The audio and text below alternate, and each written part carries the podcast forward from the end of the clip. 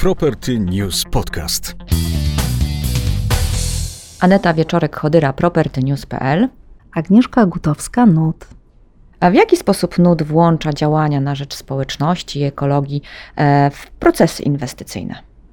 Mogę opowiedzieć e, na przykładzie naszego projektu Wilanów Park, który jest projektem mixed use co oznacza, że e, będzie tam wielo, wielo, wielorakość funkcji e, w jed, zebrana w jednym miejscu. E, Wilanów Park nazywa się Wilanów Park, ponieważ tam będzie dwuhektarowy park. Jestem na tyle szczęśliwa, że będę miała dowód na istnienie tej nazwy od razu na miejscu.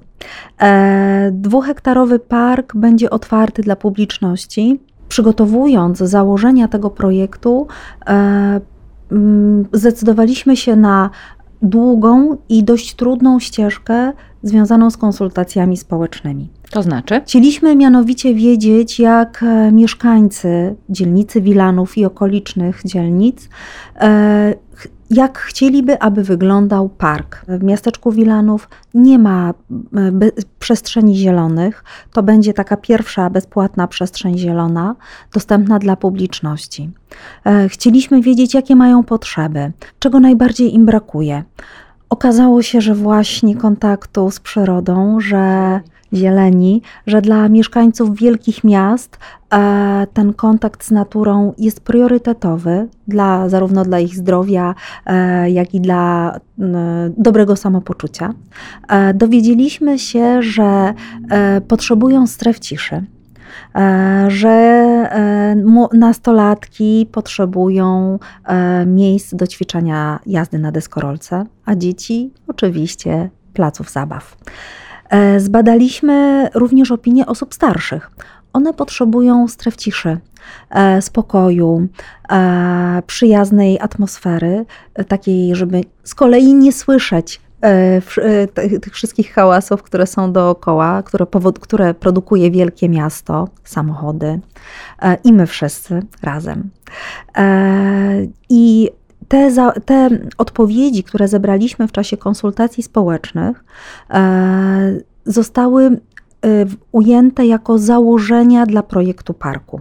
Uda się wprowadzić? Uda się wprowadzić wszystkie, ponieważ e, przygotowaliśmy konkurs wspólnie z SARP-em e, na projekt parku e, i ten projekt, ten konkurs został rozstrzygnięty. E, wygrała firma ARS Architektura z Konstancina i jesteśmy jesteśmy doskonale przygotowani do realizacji tego projektu, ponieważ wiemy dokładnie, w którym miejscu będą jakie strefy w parku. E, mamy dokładnie zaplanowane, jakie to będą nasadzenia. E, oczywiście zdecydowaliśmy się na gatunki lokalne, e, tak żeby wpływ środowiskowy tej, tej przestrzeni zielonej był jak największy. A jak będą wyglądać działania państwa w innych projektach? Jeśli chodzi o nasz inny nowy projekt, to Góraszka, e, tam także jesteśmy właśnie w tej chwili w trakcie procesu konsultacji społecznych. E, I jak dowiemy się tylko od mieszkańców, e, o czym marzą, czego potrzebują, czego im brakuje, to weźmiemy pod uwagę wszystkie te opinie.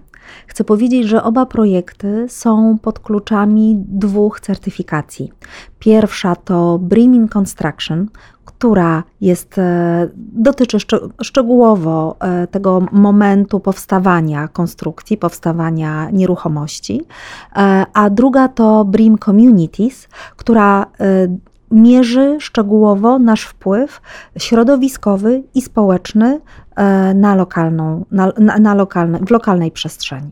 Ten certyfikat nie jest tak popularny wśród e, projektów e, mixed use, bądź w ogóle projektów nieruchomości komercyjnych. Dlaczego Państwo się zdecydowaliście akurat na ten certyfikat? Zdecydowaliśmy się na ten certyfikat, bo on pokazuje holistycznie nasz wpływ na środowisko ludzkiej na środowisko przyrody.